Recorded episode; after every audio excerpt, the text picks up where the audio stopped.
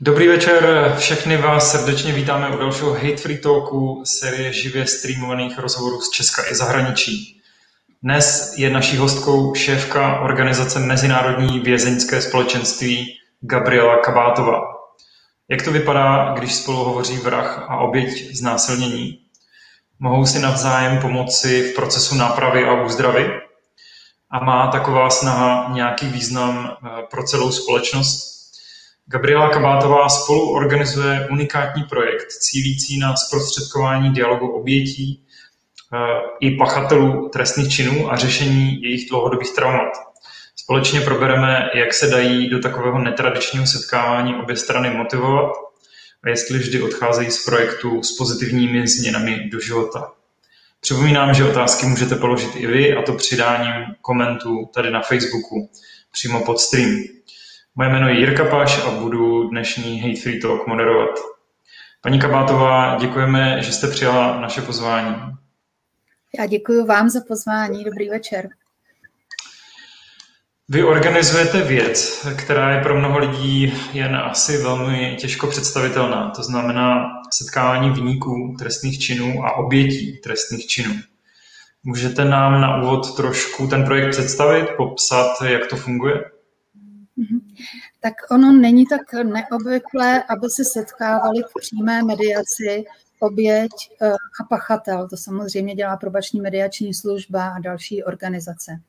Eh, to, s čím my přicházíme a co už děláme od roku 2015, eh, tak je setkávání nesouvisejících obětí s pachateli.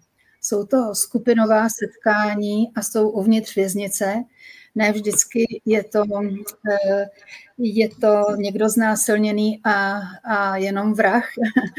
Eh, to je hezká upoutávka, ale máme taky obyčejnější trestné eh, činy.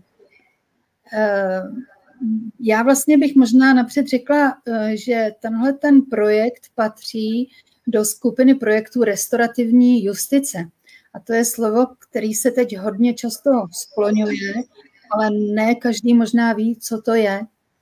A ta restaurativní obnovující spravedlnost eh, je, nechci říct opakem, ale doplňkem té trestající, eh, kterou my teď eh, známe, která prostě probíhá tím, že někdo je lapen, usvědčen, odsouzen a tráví čas ve vězení. A většinou ten pachatel, pokud ho k tomu neponoukne jeho advokát, se tak moc nezabývá eh, tím, kdo je jeho obětí, co ta oběť cítí a jaký ta oběť má potřeby. Proti tomu ta restaurativní eh, justice eh, se dívá pohledem oběti, ale i té druhé strany a snaží se, aby obě dvě ty strany ve vzájemném dialogu se dopracovali do situace, která je co nejblíž okamžiku, než ten zločin nastal. A on to zní takhle složitě, ale eh, dám příklad, kdyby někdo někomu ukradl kabelku, tak by se na první pohled mohlo zdát, že stačí jít a koupit kabelku novou. A ono to tak není, protože ten, komu tu kabelku nebo ta dáma, který tu kabelku ukradli, eh, tak eh, prožije větší nebo menší trauma, záleží to na její osobnosti.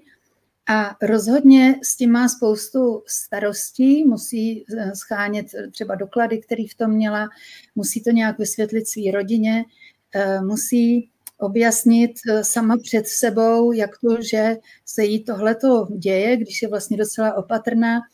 Prostě jí to z té hlavy úplně tak nezmizí, plus může mít problémy s tím, že v tom byly peníze, doklady a tak, a tak dále. Čili eh, tam je nutný vyjednat, co vlastně ta dáma s ukradenou kabelkou potřebuje. A když se těch lidí ptáte, tak zjistíte, že oni chtějí vědět, proč se jim to stalo, proč zrovna já. Hmm. Eh, chtějí, aby se jim někdo za to omluvil. Třeba ta kabelka ani není tak důležitá. Potom chtějí vědět vlastně, kdo to byl, jestli si je vytipoval předem, nebo jestli to bylo náhodný, jestli třeba ji někdo dlouhou dobu nesledoval, jestli někdo něco nesleduje tím, že se bere tu kabelku a nějaký informace o ní předá a tak dále. Že tam těch faktů je hrozně moc a to ten pachatel v běžný věznici většinou neví a řekne si, tak to se jí stalo. Tak je to jasně na první pohled bohatá ženská, ona si tu kabelku koupí novou, já jsem vlastně nikomu neublížil. Takže to je jenom takový malinkatý příklad. Tak, hmm. ne, už nemluvím dlouho, jestli můžu teda ještě o tom našem projektu, nebo jestli chcete nějakou doplňující eh, mě dát k tomu, tomu otázku. Mně to trošku vlastně přišlo, eh, když jste takhle o tom mluvila, že jako kdyby si i oběti, i ti pachatele potřebovali trošku doplnit ten příběh, protože on je někdy možná trošku sevřený do, do těch eh, paragrafů, do právnického jazyka nebo do našich vlastních představ, ale chybí tam asi spoustu věcí. Mě jenom zaujalo, že vlastně každý trestný čin je, je určitý příběh, což známe z detektivek, ale možná neznáme, když se nám to nestalo, jak, jak moc člověka potom třeba trápí, když ten příběh není dořečený. Hmm. Já si myslím, že ty otázky si eh, kladou hlavně oběti. Hmm. A to, ať už jsou to oběti, kteří to oznámili, nebo to možná nikdy v životě nikomu neřekli. Ale hm, bohužel ten, ten celý eh, justiční proces eh, s pachatelem ho spíš odvádí od toho, aby se chtěl dozvědět pravdu. Hmm. Když si představíte, a to taky známe z detektivek, jak, jak to vypadá u soudu a jak ten obhájce se snaží za všechny nitky tahat, aby ten trest byl co nejnižší, tak v podstatě eh, ten, ten pachatel eh, nepracuje na tom, aby se, aby se zvýšila nějaká jeho empatie vůči oběti, ale naopak, on se obrní a má možnost lhát u toho soudu, vlastně říkat vždycky pravdu.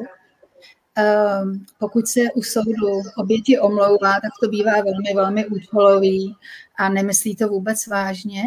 A ten člověk myslí na sebe a na svoji rodinu, že těm třeba ublížil, protože ho chytili a protože se stydí před tou svojí rodinou.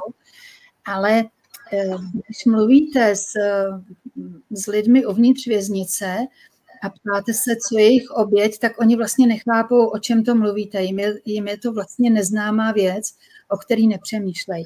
Samozřejmě, že je tomu jinak v případech, že někomu dali život – tak eh, to je asi, asi málo lidí, s kterými by tohle toho nezahýbalo a kterým to není opravdu potom, potom líto. Ale eh, takový hm, průměr těch vězňů prostě o obětech nepřemýšlí. Hmm. Eh, pojďme si teda říct, kdo jsou vlastně účastníci projektu. Můžeme si říct nějaké příběhy, které jsou hmm. právě za těma činama hmm. nebo věcma, které se jim staly. Já bych možná teda zase začala tím, eh, že ten projekt je skupinový. Mhm. Skupina šesti vězňů a šesti obětí úplně nesouvisejících trestných činů se schází po dobu osmi týdnů uvnitř věznice. V loni teda to bylo online, ale i to, i to perfektně fungovalo. Po celou tu dobu eh, je takový určitý vyučování, to jedno setkání trvá dvě a půl až tři hodiny a to vyučování je právě o té restaurativní justici. Eh, vyučování je o přijetí viny, eh, o jednoduchém rozdělení, kdo je za co odpovědný. Nedovedete si představit, jaký zmatek v tom mají v hlavě i oběti, i pachatelé. Je to, je to hrozně je to jednoduchá věc, kterou je třeba jednoduše, jednoduše rozplést. Mluví se o vině, falešné vině, mluví se o odpuštění, kdy je možný odpuštění, kdy není a podobně. A celá tahle ta krásná akce nebo kurz končí závěrečnou, říkáme tomu oslava, kdy se sejdou všichni ty účastníci a pozveme ředitele věznic, zástupce tisku, eh, zástupce ministerstev a podobně, abychom ten projekt nějak šířili, propagovali.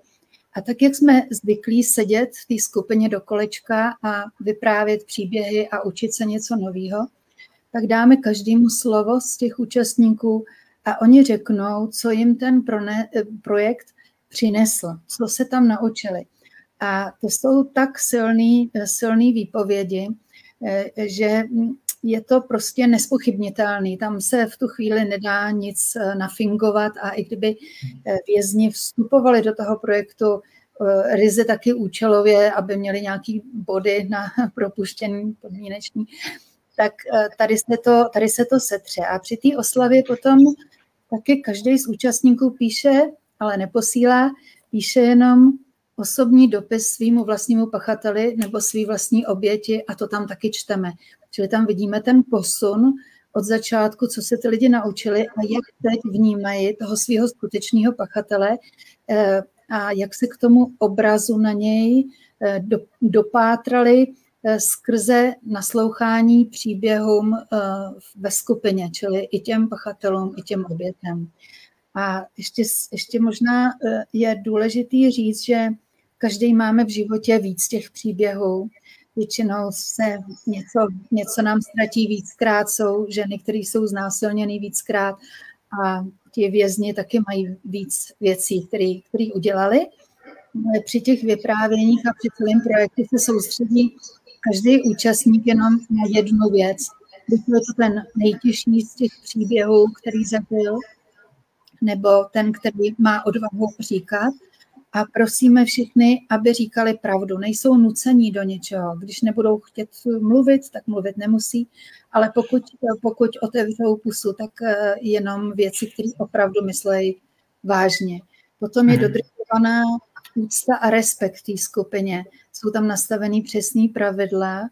Eh, nechceme nikdy, aby tam došlo k nějakým konfrontačním scénám, protože chceme, aby každý ten člověk, už i něco spláchal, nebo se mu samozřejmě něco stalo, tak aby byl braný s nesmírnou úctou od těch ostatních, s úctou k jeho, k jeho životu a naštěstí se tohle to daří.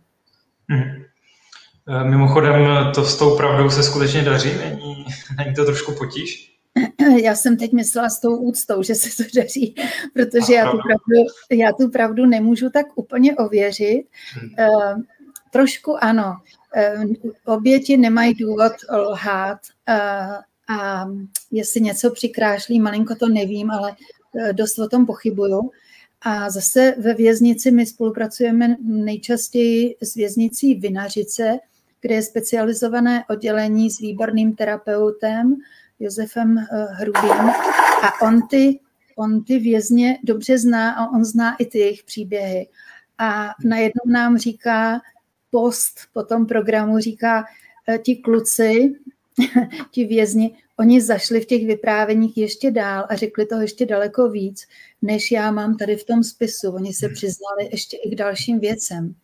Takže zdá se, že to berou vážně. Měli jsme jenom dvakrát, dvakrát případ, jednou to tak sabotoval nějaký, nějaký pan doktor medicíny a on musel, musel z projektu odejít a po druhý tam, tam mladý, mladý klučík, který byl, myslím, dobře vybraný do projektu, tak neměl odvahu ten příběh říct. A ti ostatní vězni se potom na něj docela zlobili, říkali, tak všichni do toho jdeme, všichni tady říkáme něco na sebe děsivého a ty to, hmm. jo, ale to, hmm. to, byly, to byly dva případy, no. No a můžeme si uh, říct nějaké konkrétnější uh, životní příběhy těch lidí, kteří se už z toho projektu hmm. zúčastnili, nebo je to úplně anonymní a nemůžete o tom mluvit? Eh, já, já o tom můžu mluvit, eh, pokud neukážu fotografii někoho tady, já nebudu, nebudu říkat, že je to Marie Nováková.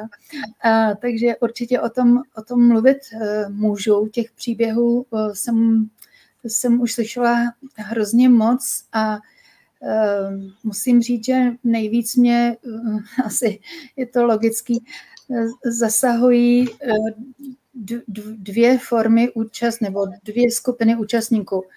Eh, u žen jsou to eh, dámy v pokročilejším věku, eh, který někde oslovíme, protože ten projekt se většinou šíří, takže oslovujeme, oslovujeme oběti a nabízíme jim to a oslovujeme je i tak, my jsme křesťanská organizace, že prostě přijdeme do nějakého křesťanského společenství a tam o tom vyprávíme. A najednou přijde, přijde někdo a řekne, no já nevím, jestli bych tam měla jít nebo ne.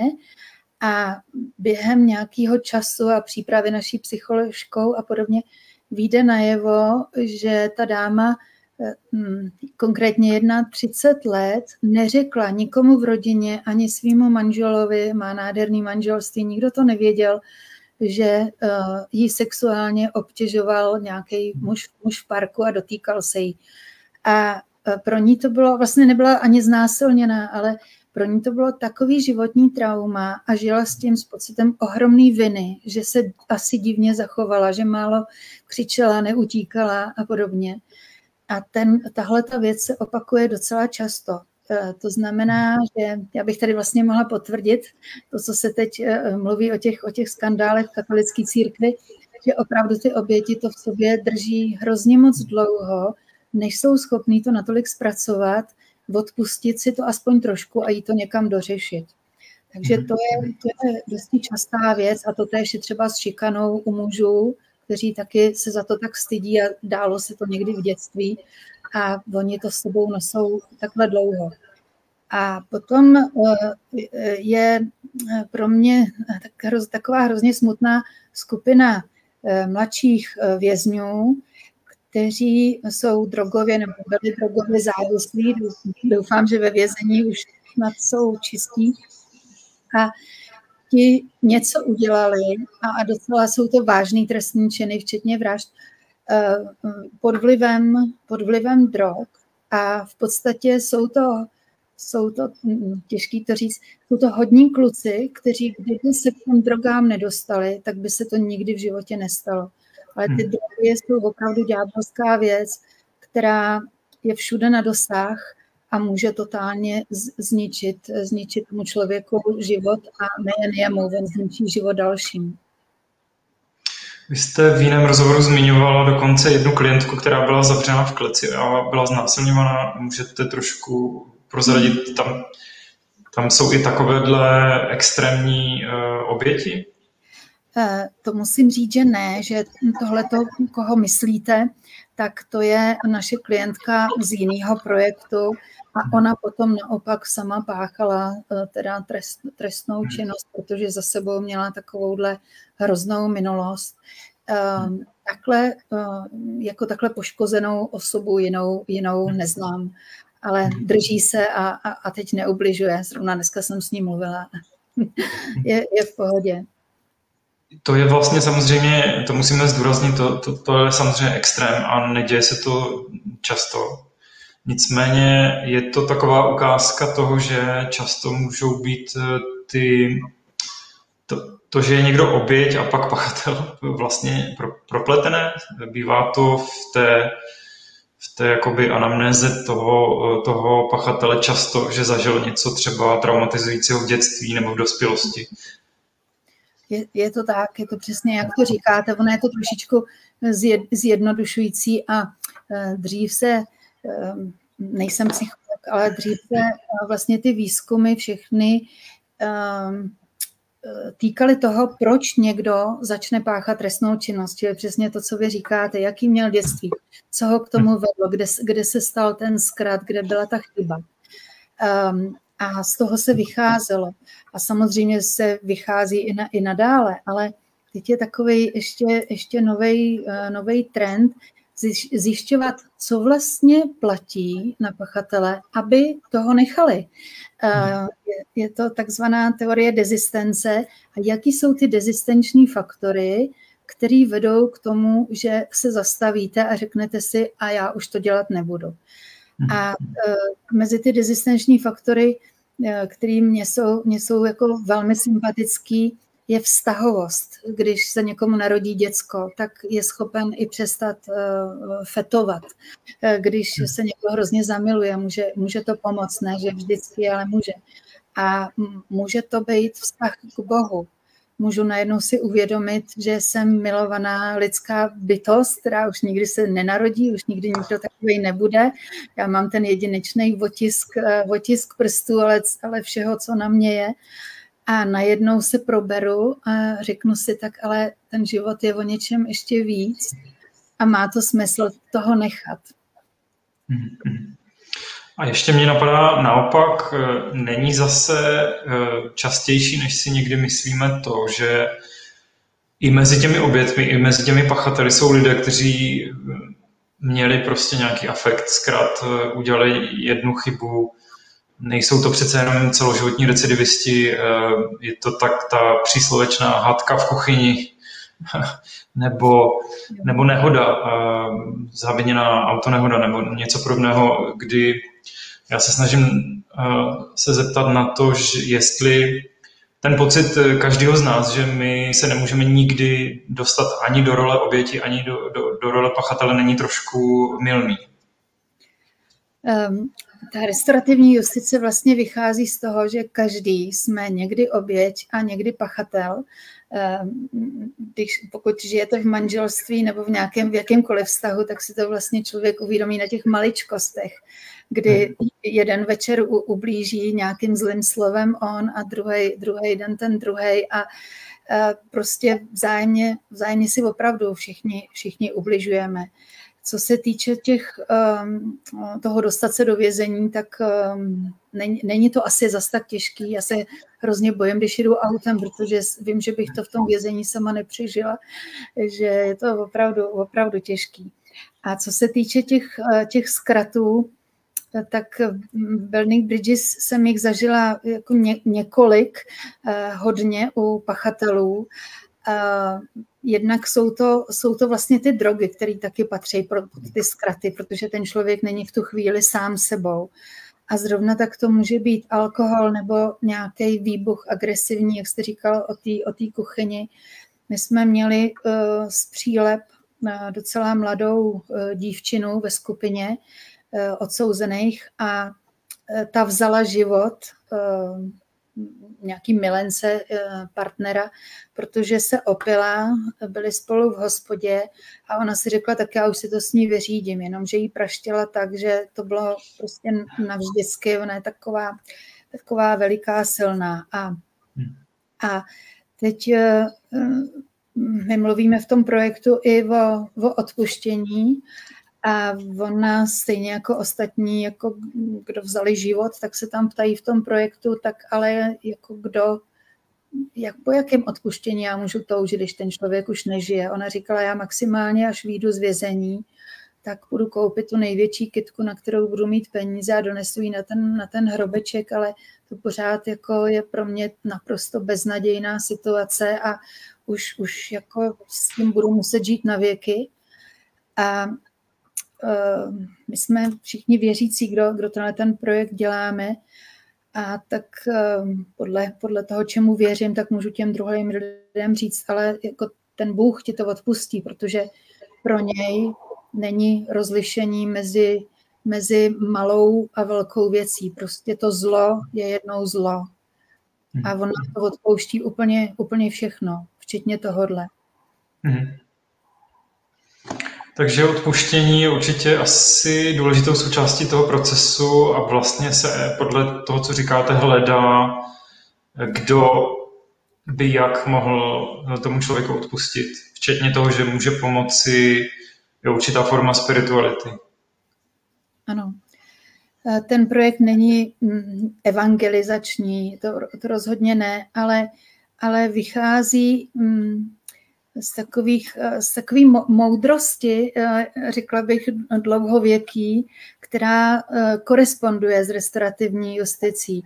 Restaurativní justice přímo používá slovo pokání. Hmm.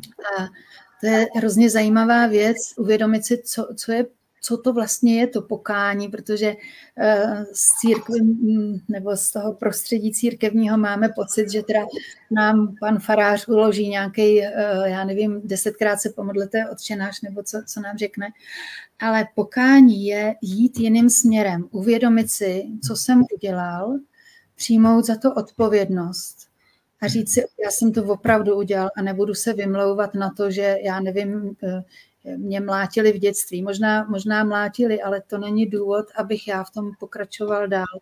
Prostě to rozhodnutí bylo jenom a jenom moje, byť by bylo zkratkový, pochopitelný, tak je to moje rozhodnutí. A to pokání spočívá v tom, už se od toho odvrátit a vědět, že už nikdy nic takového neudělám. A hmm. to je, to je samozřejmě smyslem toho, toho projektu. A co se týká odpuštění, tak uh, spíš oběti potřebují, aby uměli odpustit, protože tam vždycky se říká, že tam je to pustit, že jo, pustit tu věc a nevláčet ji pořád sebou, nemít, nemít to pořád na očích, nemyslet si, že se tím musím zabývat do konce života. Prostě pustit to a když odpustím tomu druhému člověku, tak mě se hrozně uleví, protože kolikrát eh, jsme hrozně naštvaní na někoho, může to být v nějakých rodinných vztazích nebo v práci a pořád na toho člověka myslíme a co mu řekneme, jak mu to vysvětlíme, že nám ublížil a podobně. Ale on o tom vůbec neví a je mu to úplně jedno. Ale my se tím trápíme, čili eh, nemůže být nic eh, lepšího pro tu oběť, než aby to pustila, aby to nechala být a aby to nějak předala. Ale to je na tom to, je na tom to hrozně těžké. A další věc, která pro tu oběť je strašně moc osvobozující, je, je skutečnost, že ona za to nemohla. To, jak jsem mluvila o tom rozlišení jednoduchým, kdo za co může. Za ten trestný čin je prostě zodpovědný jenom pachatel a oběť za to nemůže a musí se to odlišit, protože spousta, dejme tomu žen, který byly přepadený někde, tak si říkají, v tom parku, no, asi jsem šla moc pozdě v noci. A možná, že teda jsem měla moc krátkou sukni. Když se dostane k soudu, tak bude takhle vyslíchaná i u soudu a budou se jí ptát. A vy hodně často chodíte takhle sama a jaký je váš sexuální život? A máte teď partnera? A co jste tam dělala? A e, vy jste asi trošku pila předtím a podobně. A teďka se zasejí ty oběti tyhle ty myšlenky do, do hlavy, že za to si ona teda mohla nějakým způsobem. A my v tom projektu jim říkáme, eh, i kdybyste šla, eh, my tam tykáme, tak i kdyby si šla parkem v noci nahá, nikdo nemá právo na tebe sáhnout. I kdyby si nechala otevřený byt do kořán, nikdo nemá právo do něj vstoupit a cokoliv vzít i kdyby eh, si zapomněla kabelku eh, v autobuse, nikdo nemá právo ji vzít. A takhle oběť nepřemýšlí. Ona pořád si říká, tak já si to nějak jako přivolávám, já prostě asi se chovám divně, já jsem asi divná. A proto ty oběti vlastně chtějí mluvit s těma pachatelema, aby zjistili, co je na nich divného. A v tom projektu jsou, dostanou takový ubezpečení, že nic. Oni převypráví ten svůj příběh a teď všichni ti vězni se mohou ptát nejrůznější otázky eh, k tomu, k tomu příběhu a, můžou, můžou dávat tu zpětnou vazbu. A můžou to vidět z pohledu prostě pachatele, tak jako byl pachatel tý, tý, tý pravý, teda ten pravý eh, pachatel té oběti. A to je nesmírně uzdravující pro, pro ty oběti. Takže vlastně tohle je takový nejsilnější moment, aby ten pachatel pochopil, já jsem za to mohl, konec, tečka, nic jiného. A ta oběť, já jsem za to nemohla. Ono se v těch debatách o různých formách trestných činů tohle často objevuje. Může si za to sama, sám. Proč si myslíte, že ta mm, jako viktimizace těch obětí, nebo sekundární viktimizace těch obětí je, je vlastně takhle strašně silně zakořeněná? Proč nás to napadá, eh, že si za to může sám nebo sama? Já si to vysvětluju trošku primitivně. Já nejsem, nejsem odborník, já prostě v restaurativní justici eh, dělám facilitátora, což je takový zástupce komunity, který umožňuje, umožňuje dialog. Ale myslím si, že my se vlastně z každé situace životní učíme. Pamatujeme si, jaká byla reakce. Já nevím, když zapomeneme tašku ve škole jako děti, tak víme, že teda nám někdo vynadal, že to bylo, že to bylo špatně a e, neseme si sebou tu zkušenost a nutně si ji nést musíme, protože e, se musíme ubránit podobným e, situacím v budoucnosti. A z každé té zkušenosti něco do sebe uložíme a uložíme si zároveň to hodnocení těch ostatních k tomu. Hmm, a on se tak, tak životně nabalí. Nesmím dělat to a to, aby se nestalo to a to. A berete to jako vlastní odpovědnost. Ale dojde to potom tak daleko, eh, že, hm, já nevím, někdo se bojí potom už na určitý místa, protože měl tam špatnou zkušenost, tam raději nepůjdu. Hmm. Nebo kolikrát, si, kolikrát slyším od lidí, že říkají, no to se může stát jenom mě, já už jsem takový směř. Čili my automaticky přijímáme nějakým způsobem to, co se nám děje, do naší vlastní historie a máme pocit, že to jsme my, co se nám děje. Ale to tak není, že to můžou být různý. Jak funguje uh, proces motivace k tomu, aby obě ty skupiny lidí chtěly uh, společně být v jedné místnosti a mluvit spolu? Je to, je to hodně těžké, nebo naopak uh, jsou to lidi, kteří nějakým způsobem chtějí sami? Je hodně těžký vysvětlit ten projekt, protože když jenom bychom někde napsali takový plagátek, byl jste obětí trestného činu, přitom s námi do věznice, pohovoříte si s vězni. Hmm. To asi vás nepřiláká, že? Ale eh, snažíme se teď eh, Eh, prosit, eh, žádat ty oběti, které už projektem prošly, aby buď to natočili kratičký video o tom, co jim to dalo, nebo aby oslovovali svoje okolí. A zjišťujeme, že zpočátku jsme neměli eh, jiné zájemce, než ti, kdo byli přímo osloveni někým. Napřed jsem to teda byla já, kdo, os, kdo oslovoval a přesvědčoval, že to bude přímá ten projekt, protože jsem ho znala trochu z zahraničí. A potom už, už to dělali další facilitátoři, další oběti. A teď už to přeci jenom bylo natolik medializovaný, že se, na, že se hlásí už oběti i přes eh, naší webovou stránku a přes Facebook a, a podobně. Ale to, eh, co jsme, eh, já potom ještě dopovím ty, ty mm, vězně, doufám, že nezapomenu, co jsme při tomhletom procesu oslovování zažili zajímavého, je ta věc, že ehm, spousta lidí eh, napřed řekne, ne, nikdy jsem, nikdy jsem nebyl, nebyla obětí trestného činu. Prostě nikdo si nepřipadáme jako oběť. A potom se zeptáme, no a přihodilo se někdy něco, ukradl ti někdo kolo, nebo já nevím, v autě něco, no to ano, to ano. A teď začnou ty lidi přemýšlet a najednou si vzpomenou na tolik věcí. A nejhorší na tom je, že hm, si vzpomenou i na věci hrozně vážné, že to v sobě mají tak jako uložený a jsou to věci, které eh, hm, se staly v rodině. Eh, mám, teď mi zrovna přišla na mysl jedna, jedna klientka, která byla znásilněná svým vlastním dědečkem a po deseti letech ještě jednou na diskotéce nějakým mladým, mladým mužem. A ona to měla tak dokonale v sobě potlačený, že dokázala na to nemyslet. Měla přece trošku problémy ve vztazích, ale zvládala to. A potom se dozvěděla uh, o tomhletom projektu přes, přes někoho známého a najednou přiběhla a všechno se to vrátilo. A museli jsme uh, dlouho jí nechávat uh, mluvit s psychologem, jestli do toho projektu vůbec může jít, protože se jí to tak restartovalo, tak se jí to obnovilo, že, že najednou si z toho začala, začala hroutit a ten projekt potom absolvovala dvakrát. Uh, po každý tam vyprávěla jeden z těch příběhů a nesmírně jí to posunulo a teď je schopná o tom dávat i rozhovory a mluvit hmm. o tom otevřeně uh, a, a pomohlo jí to. Ale strašný je, že v podstatě 70% kriminality je takzvaná latentní kriminalita, která nikdy nebyla oznámená, stala se v rodině, nebo se za ní někdo tak styděl, že to prostě nešlo oznámit. A nebo oznámená byla, ale nikdy nebyla potrestaná.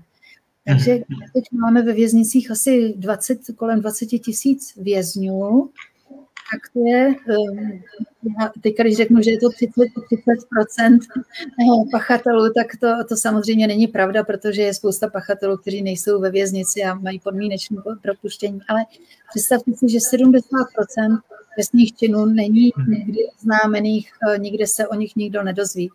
A to pro nás bylo takovým největším překvapením v tomhle projektu při tom oslovování obětí.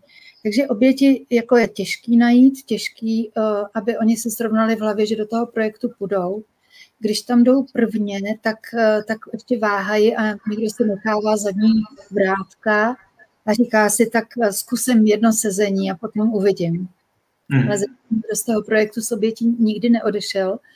Ani jsme nemuseli uh, doporučit, aby, aby ode, odešel. Uh, a všichni to dokončili s tím, že jim to potom bylo hrozně líto, a to oběma těm skupinám, jak vězním to kachatelům, hrozně líto, že to končí. A všichni by to chtěli ještě prodlužovat a, a všichni se domlouvají potom, že ještě bude nějaká after party a že se ještě, ještě sejdou a ještě uvidějí.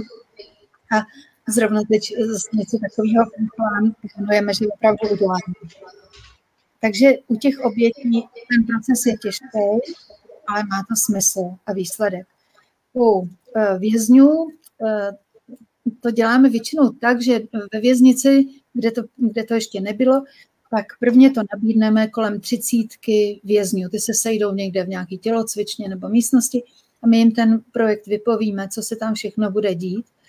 A po nějaký čtvrt hodině povídání je poprosíme, aby odešli ti, kdo vědí, že absolutně do toho projektu nepůjdou, že nemají zájem. A tak eh, mezi osmi, deseti pány asi, asi odejde kolem, taková ke třetině, ke třetině ode, odejdou a nechtějí někomu vyprávět, co, co dělali. Eh, ti další, kdo tam zůstanou, tak od nás dostanou eh, dotazníky a posuzujeme potom podle dotazníků a podle osobních rozhovorů s nimi, koho do toho projektu vybrat, tak aby to byl člověk, který eh, ten projekt pochopí, má dostatečnou inteligenci, aby věděl, o čem to bude. A, a potom chceme, aby to byl člověk, u kterého je už trošičku nastartovaný ten pocit viny. Nemusí si ji přiznávat úplně, ale musí tam být aspoň záblesk. Protože u takového absolutního popření s tím, s tím by se hrozně těžko pracovat. Jakmile tohle to tam, tohle to tam je, nějaká aspoň trošičku známka citlivosti, tak eh, toho člověka do projektu bereme. Čili ten zájem ze strany vězňů je poměrně veliký. Eh, vím, že speciálně v těch vinařicích se vybere skupina sedmi pánů, tak eh, ti ostatní z toho specializovaného oddělení, kde jsou vážné trestní činy, jsou to dlouhé tresty, tak tím to tak závidějí a pořád říkají, tak kdy bude zase už další pokračování, protože na nich vidí, že když se z těch setkávání vracejí na ty svoje ložnice, že jsou jako povzbuzení, že jsou jiní, že se s nima něco hmm. děje a chtěli by to taky. Hmm.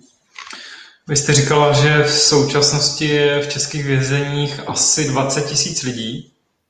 Ano. Kolik z toho jsou muži a kolik ženy? Hmm těch žen bývá kolem 1500, nevím, nedívala jsem se teď na, na tabulky, možná, že trošičku míň, čili ta ženská populace ve věznicích je opravdu hodně, hodně nižší. Mm-hmm. Funguje to pak třeba na straně těch pachatelů hodně jinak, e, to přijmutí viny a nalezení té cesty, e, jiné cesty, e, jak jste o ní mluvila, nebo, nebo je to ten proces je u mužů a žen eh, stejný? Ehm, my jsme tenhle ten projekt dělali jenom jednou v ženské věznici, jinak u mužů, což i odpovídá tomu rozložení počtu mužů a žen.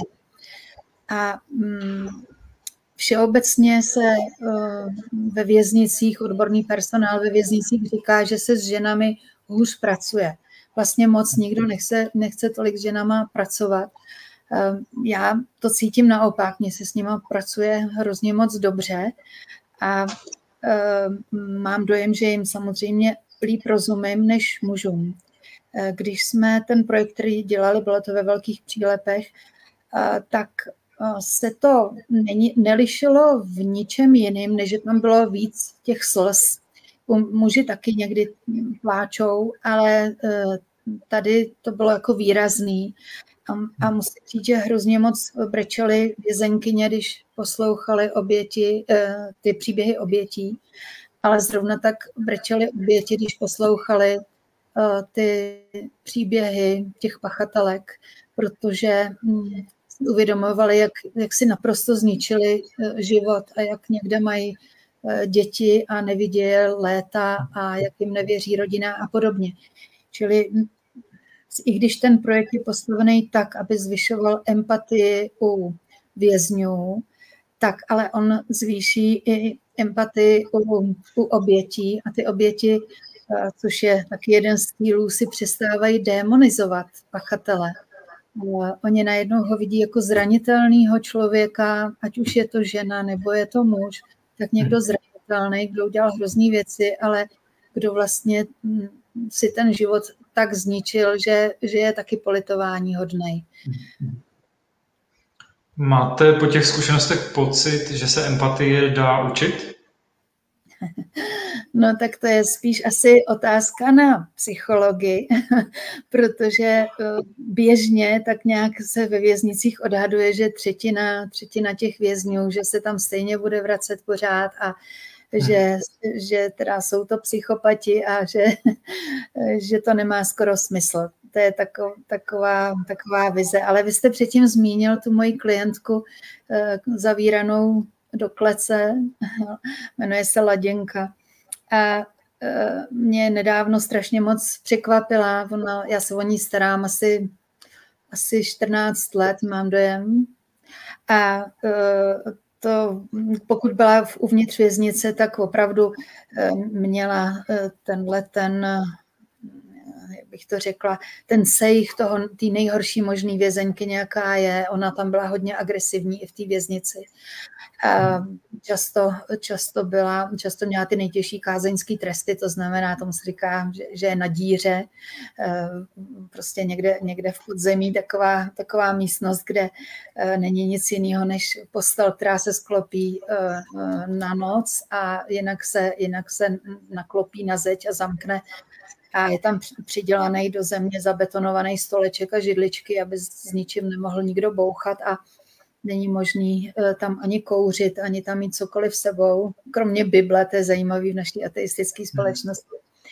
A tahle ta laděnka teda mm, eh, byla, byla opravdu eh, jako mm, výlupek, bych řekla, ať už z jakýhokoliv důvodu.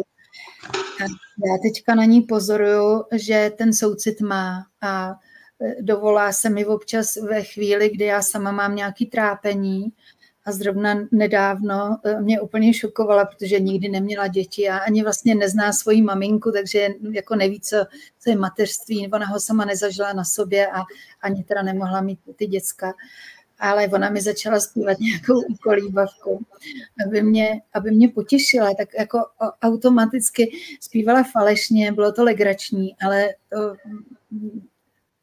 asi e, v těch zápisech věznice by řekli, je to nepolepšitelná osoba, nemůže s nikým soucítit. Prostě to, co udělala, to, to, to je nemožný. Ale já mám opačnou zkušenost tak mhm. to je jenom můj laický odhad, že za určitých okolností se ten člověk může vyvíjet. Mhm. Jak se k tomu, co děláte, staví rodiny a blízcí, ať už na straně obětí nebo pachatelů? Je to taky těžké jim to vysvětlit, nebo uh, spíš převažuje názor, že to může pomoct? Eh, pokud vím, tak všechny ty oběti, než vstoupí do projektu, tak to debat, diskutují v rodině. Eh, ptají se manžela nebo rodičů, co si o tom myslí. A eh, nevím, do jaké míry jsou, jsou ty dialogy o tom eh, nějak, nějak těžký, ale nikdy jsem nezažila, že by někdo do toho projektu nevstoupil, protože rodina by se bála. Prostě ta oběť v okamžiku, kdy už se rozhodne, že to bude řešit, tak je trošku nezastavitelná. Na, když do toho jde se, se vším. My se potom mm, snažíme, aby věznice dala povolení a aby na tu závěrečnou oslavu mohli přijít i další členové rodin. A hmm. občas e, se to povede, občas se tam objeví nějaký bratr nebo manžel nebo e, někdo a je to hrozně zajímavý, jako hned si toho stane součástí a, a mm, dostane se do toho rozhovoru taky. Takže nemyslím si, že by to, že by to rodiny Eh, špatně snášeli a u těch, um, u těch odsouzených, většinou jsou to pánové, tak tam myslím, že jsou rádi, že sami ze sebou něco dělají, že se chtějí nějak posunout a že jim píšou o tom domu dopisy, uh, o tom projektu a potom je to třeba medializované a oni z toho mají radost, že něco se hýbe, protože v tom vězení je to dlouhý a nic se nehýbe dlouhý rok. Hmm. Předpokládám, že otázka dětí u těch uvězněných pachatelů je velmi asi jedna z těch nejintenzivnějších na řešení. Vy se, jestli jsem to pochopil správně, tak vy se uh, angažujete v něčem, co se teďka jmenuje baby-friendly místnost, nebo místnosti ve věznicích. Můžete popsat trošku, co to je a jestli si myslíte, že by děti měly chodit za, za rodiči do vězení? Uh, tenhle ten název baby-friendly místnosti pro, pro děti uh, na návštěvy ten přišel od eh, generálního ředitelství vězeňské služby, eh, protože hm, si všichni uvědomují, že to prostředí není vhodné pro, pro děcka, ale přitom děcka potřebují zachovat vztah se svým rodičem, s tátou nebo, nebo s mámou. Dokonce na to mají eh, právo daný zákonem. A je trošičku sporný, jestli jim to právo není právě upíraný tím, že to prostředí je, jaký je. E, ono nejde jenom o to, jestli ta místnost je pěkná, nebo je tam trošku někde Lego a nějaký židličky pro děti, ale e, vůbec ten vstup do věznice s prohlídkama, s takovým tím trošku drsnějším přeci jenom zacházením, otevřete kabelku, co to tady máte a ukažte ten kočárek a prohledávání. Uh, je to pro ty děti prostě hrozně moc těžký. Uh, je teďka trend to měnit a já jsem za to strašně moc ráda. My děláme je malinko jinou věc. Samozřejmě, pokud máme peníze, tak se snažíme přispět věznicím zase na to vybavení, ale to je pořád málo my jsme vytvořili před asi třema lety eh, projekt, který se jmenuje Den s dítětem a je to celodenní projekt, který se, myslím, líbí některým ředitelům věznic a zvou nás k němu.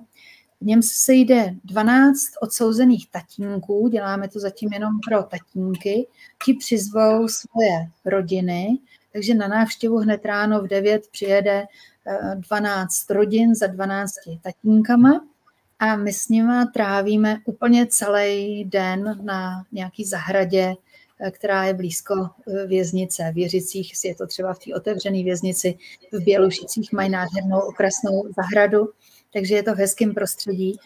A my hned eh, na začátku si ty rodiny popovídají, dostanou od nás nějaké občerstvení a potom rozdělíme ty tatínky do, do čtyř skupin, aby si mohli hrát s těma dětma a ty čtyři skupiny rozdělíme do čtyř barev. Takže každý táta si vezme na sebe tričko, eh, na kterém je namalovaná taková rodinka a jeho děti jsou oblečený ve stejné barvě toho trička. Tak už to je takový symbol toho, eh, že, jsme dohromady, že jsme ta jedna rodina, že máme tu stejnou barvu a teď jdou, jdou soutěžit ve čtyřech v družstve, volají si svoje pokřiky a ty hry, které jim eh, vymýšlíme, tak jsou zejména takový, aby se musel ten táta s tím dítětem co nejvíc dotýkat, mazlit, eh, třeba běhají a nosí ty děti na zádech a někdy je to legrace, protože mají jedno dítě dvouletý a druhý osmnáctiletý a tatínek je musí oba nosit, nebo jim, já nevím, svážeme nohy a oni skáčí, takový, takový legrandy děláme a potom workshopy, potom společně obědvají ty, ty rodiny, eh, potom tam děláme koncerty, ale co je eh, nejdůležitější, nebo nejdůležitější, co je moc příjemný pro ty rodiny, je, že je taky vyfotografujeme dohromady. Protože když je někdo ve vězení pár let, tak nemá společnou fotografii s dítětem. Hmm. A když tenhle ten eh, den končí a všichni jsou jako najedený, hrajou si krásně, jsou spokojení, tak si píšou vzájemně, eh, dáme jim obálku, papíry a tak dále a barvičky a oni si píšou dopisy na potom, aby to loučení nebylo tak hrozně těžké. Aspoň odchází, tatínek si nese dopis, který si otevře pak v celé a ta rodina si bere domů nějaký dopis od tatínka, protože jinak to loučení, teda na to se nedá moc koukat. A je to taková ochutnávka jako jiného typu návštěv a já myslím, že si k tomu dopracujeme, že to právo toho dítěte na kvalitní eh, čas s rodičem, že to nastane a že nebudou už jenom návštěvy, kdy se, kdy se sedí naproti sobě u stolu, dítě se nemůže pomalu hnout a nemůže ani obejmout tatínka. Tak mm. to je taková budoucnost, že, že, že se to povede všechno zličtit a myslím, že o to je všeobecný, všeobecný zájem u všech odborníků. Část lidí určitě bude mít s tímhle problém. S tím, že by vězení mělo být, mít lidské podmínky. Protože budou chtít, aby naopak vězení bylo co nejstrašnější a tresty co nejdrakoničtější. Protože část lidí si určitě myslí, že mm, tyhle ty věci pomáhají odrazovat lidi od páchání trestných činů. Hmm. Jak, jak to je podle vás? Není spíš eh, potřeba věnovat se právě takovýmhle projektům nějakého osobního růstu, osobní sebereflexe, protože prostě, když je člověk zavřený ve strašných podmínkách ve vězení, tak to přece jenom nefunguje tolik jako prevence recidivy? Hmm. Je to určitě, určitě je to přesně tak, jak to, tak, jak to říkáte a Ono sedm vězňů z deseti se vrací, eh, já nevím, po půl roce do tří let, se vrací zpět do věznice a není žádným tajemstvím, výzkumy o tom jasně, jasně mluví, že eh, vězení nepůsobí odstrašujícím, eh, odstrašujícím dojm, dojmem, že tenhle tu roli tam nehraje, ani nehraje roli dílka toho, toho trestu ve většině případů. Eh, jsou lidi, kteří řeknou, jo, mě to zastavilo, ale potkala se mi docela málo. Ale naopak tam dochází k takzvané prizonizaci, to znamená, ten člověk si zvykne na to, že za něj někdo rozhoduje od rána do večera, říká mu, kolik má vstát, kolik se najíst, kam má jít a odnaučí se úplně žít, žít samostatně. Dalším problémem je hm, postpenitenciární péče, to, co se děje po výstupu z věznice, kdy najednou vězen stojí 1500 korun asi denně a ten člověk vyjde ven a e, musí, dejme tomu, čtyři dny počkat, než se dostane na úřad e, práce. Pokud vyjde ve čtvrtek, tak má prostě smůlu, nemá nic. E, a potom dostane tisíc korun a s tím má výjít do první buď to výplaty, nebo prostě měsíc vydržet, než ten úřad práce něco zase dá. A tam vidím ohromnou teda mez, mezeru a úplně jako to nechápu, že, že to je takhle celý ty léta, 15 let jezdím do věznice a vše, pořád se o tom mluví a nezměnilo se to. Ale ještě s tím přístupem uvnitř věznic, tam, kde jsou specializované oddělení, a je to třeba krásné oddělení maminky s dětma ve Světlí nad Sázovou, kde jsou děcka do tří let a jsou v krásném prostředí, krásně se s nima zachází, tak eh, i když samozřejmě tam hraje i roli výběr těch maminek, eh, eh, jsou to spíš, spíš maminky, které mají naději, ale i tak prostě ta recidiva je potom minimální. Já si myslím, že nejstrašnější uvnitř věznice je ta věc, že jsou tam psychologové, jsou tam vychovatelé, ale oni stráví s tím pachatelem chviličku času, já nevím kolikrát týdně, ale jinak on je naprosto e, pohlcený tou vězeňskou subkulturou, jejíma pravidlama, tou abnormalitou, tím, že prostě nej, nejhorší kluci a nejzlobivější holky v republice se zavřou na, na pár míst a tam je všechny dáme dohromady a teď čekáme, že oni se nějak sami opravějí a že, že potom příště už, už to dělat nebudou, ale kde mají nasát uh, dobro, který potřebují a který jim někde v životě uniklo, někdo jim ho nedal, kde, kde to mají nasát. A jenom přežít uh, v této subkultuře, kdyby, kdyby tam mě nebo vás zavřeli, je strašně těžký, jenom to vydržet psychicky. Eh, fyzicky to, to ničí, ničí ty lidi, rodiny to ničí. Eh, chápu, že eh, u některých trestných činů není jiná cesta, než prostě zavřít, izolovat a tak dále. Prostě ne, neumíme nic lepšího nikdo. Ale potom je veliký procento lidí, s kterými kdyby bylo dostatek peněz a mohlo se intenzivně pracovat a dodat jim tu lidskou, tu lidskou důstojnost, ukázat jim, co je hezký život, jaký jsou hodnoty v životě. Hmm. Takže ta naděje na změnu byla. Máte pocit, že může být nějaká třeba evropská země pro nás v tomhle smyslu hezkou motivací a inspirací z toho, co jste třeba viděla vy sama? No, já se musím přiznat, že jsem toho zase tolik neviděla. Sice jsem v Mezinárodním vězeňským eh, společenství už takovou, takovou dobu, ale jako neziskovka nemáme peníze na to, abych se eh, jezdila, jezdila dívat. Byla jsem samozřejmě někde, byla jsem v Německu a viděla jsem v Americe vězení a tak dále, ale nikdy jsem se nedostala ještě ani do Norska, kde, který je považovaný za takový za takovej vzor všeho. Takže ze zkušenosti to, to opravdu, opravdu nemám jinak než, než načtený, což mě mrzí. Ale eh, třeba je úžasný, úžasný model v Německu vězení pro mladiství, eh, kde 20 kluků bydlí absolutně bez mříží, bez ničeho, společně eh, v malinkatých ložničkách od rána do večera se něco učí, řemesla, ale i jazyk, všechno možný. A jsou obklopení křesťanskýma rodinama, eh, který bydlejí v domečkách okolo, mají hodně dětí a podobně.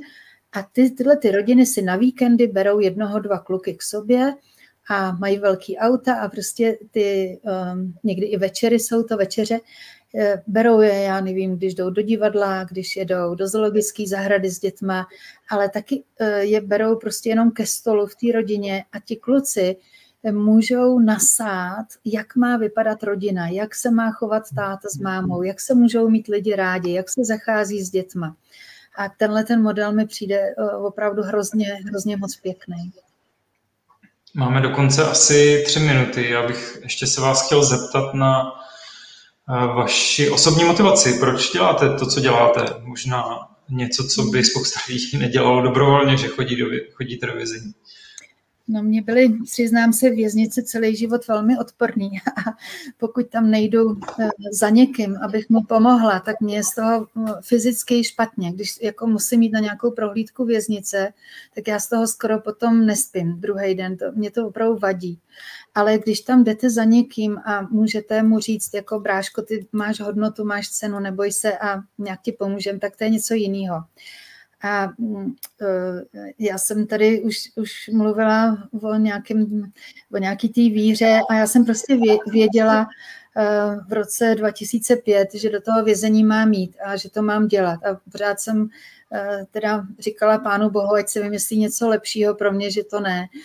A teďka jsem se to bála říct i doma manželovi, který, který je psycholog, byl psycholog, tak uh, jsem si říkala, on, on se mi bude smát, že to jsou hormony a že mi to přejde. Uh, ale uh, potom, potom jsem je, začala jezdit do ženské věznice, doma to přijali dobře uh, a tam se mi, uh, tam se mi jako ukázalo, že ty lidi mám vlastně ráda, že, že nemám pocit, že bych tam přišla jim něco kázat, ale že se od každého z nich sama mám co naučit. A skutečně jsem zatím nepotkala nikoho i z těch jako největších zločinců, co, co jsem měla tu čest vidět, který by neměl na sobě eh, několik hezkých vlastností, které já nemám. A takže na této peer úrovni eh, je to, je to vztah, je to, je to něco, co, co mě jako naplňuje, ale jak jsem k tomu přišla, to opravdu úplně nevím. Tak eh, já vám moc krát děkuji, že jste přijal naše pozvání a děkuji vám za moc eh, zajímavé povídání a držím palce i do budoucna s tímhle tím mimořádně zajímavým projektem. Ať se vám jenom daří, vám všem, kteří jste se dívali, taky děkuju a budeme se těšit eh, zase já nebo některý z kolegů u dalšího Hate Free Talku zase někdy příště. Hezký večer. Hezký večer, děkuji vám.